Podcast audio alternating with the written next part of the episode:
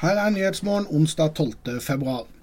Marianne Landsem og Tor Arne Eggen er anmeldt til DNTs domskomité for brudd på antidopingreglementet, og risikerer nå en bot og lang utestengelse om de blir dømt. Tirsdag fikk ekteparet, som er anmeldt hver for seg med hver sin hest, sine anmeldelser forkynt. For begge har utvalg for utredning av dopingsaker innstilt på en dom med subsidiære innstillinger. Hestene deres tester positivt for stoffet cetrisin, som er et virkestoff i Syrtec som ikke anses å ha prestasjonsfremmende virkning på hest. Dette er innstillingen. Den prinsipiale, prinsipiale påstanden er domfellelse for forsettlig grov uaktsomhet med bot på 20 000 kroner og 24 måneders utestengelse.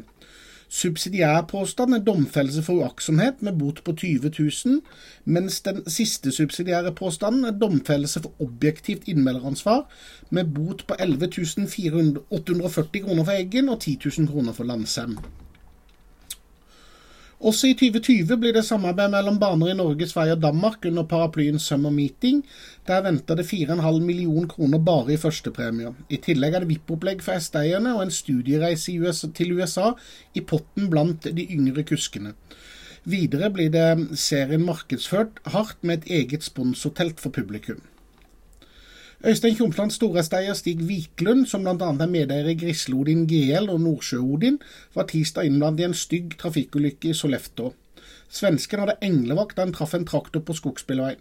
Wiklund, som er mentaltrener, var på vei for å møte det svenske skitalentet og Grislodin-medeier Frida Karlsson da han kolliderte.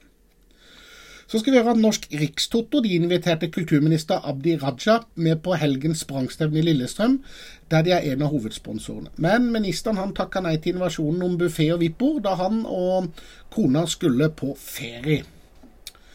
På en dag hvor det ikke var trav i Norge, hadde Bent Moe tatt turen til Aksvalla med sin fireåring Hard One tirsdag. Det endte med seier, og den var verdt 25 000 kroner. Så skal vi høre at det er bråk på Sørlandet. Øystein Tjomsland frykter følgende av oppjusterte stallpriser ved Sørlandets travpark. Han mener følgende for transporten på Sørlandet og kollegaene hans kan bli katastrofale, og for første gang hever han stemmen. Styreleder Vemund Hansen forsvarer prisomgangen, mens toppadvokat Torkjell Solbø mener den er rettsstridig.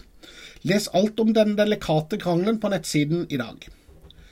Så skal vi høre at Forus travbane la fram sitt eh, regnskapsresultat for 2019 på generalforsamlingen i Rogaland travselskap tirsdag.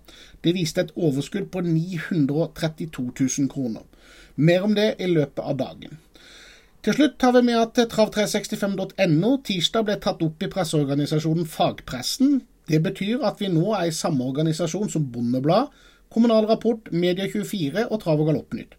Det viser at vi oppfyller de krav som settes for et medie, noe vi er utvilsomt stolte av. Og Med det ønsker vi deg en strålende dag, og minner om V75 bonus på Bjerke i kveld. Det er bare å levere bong.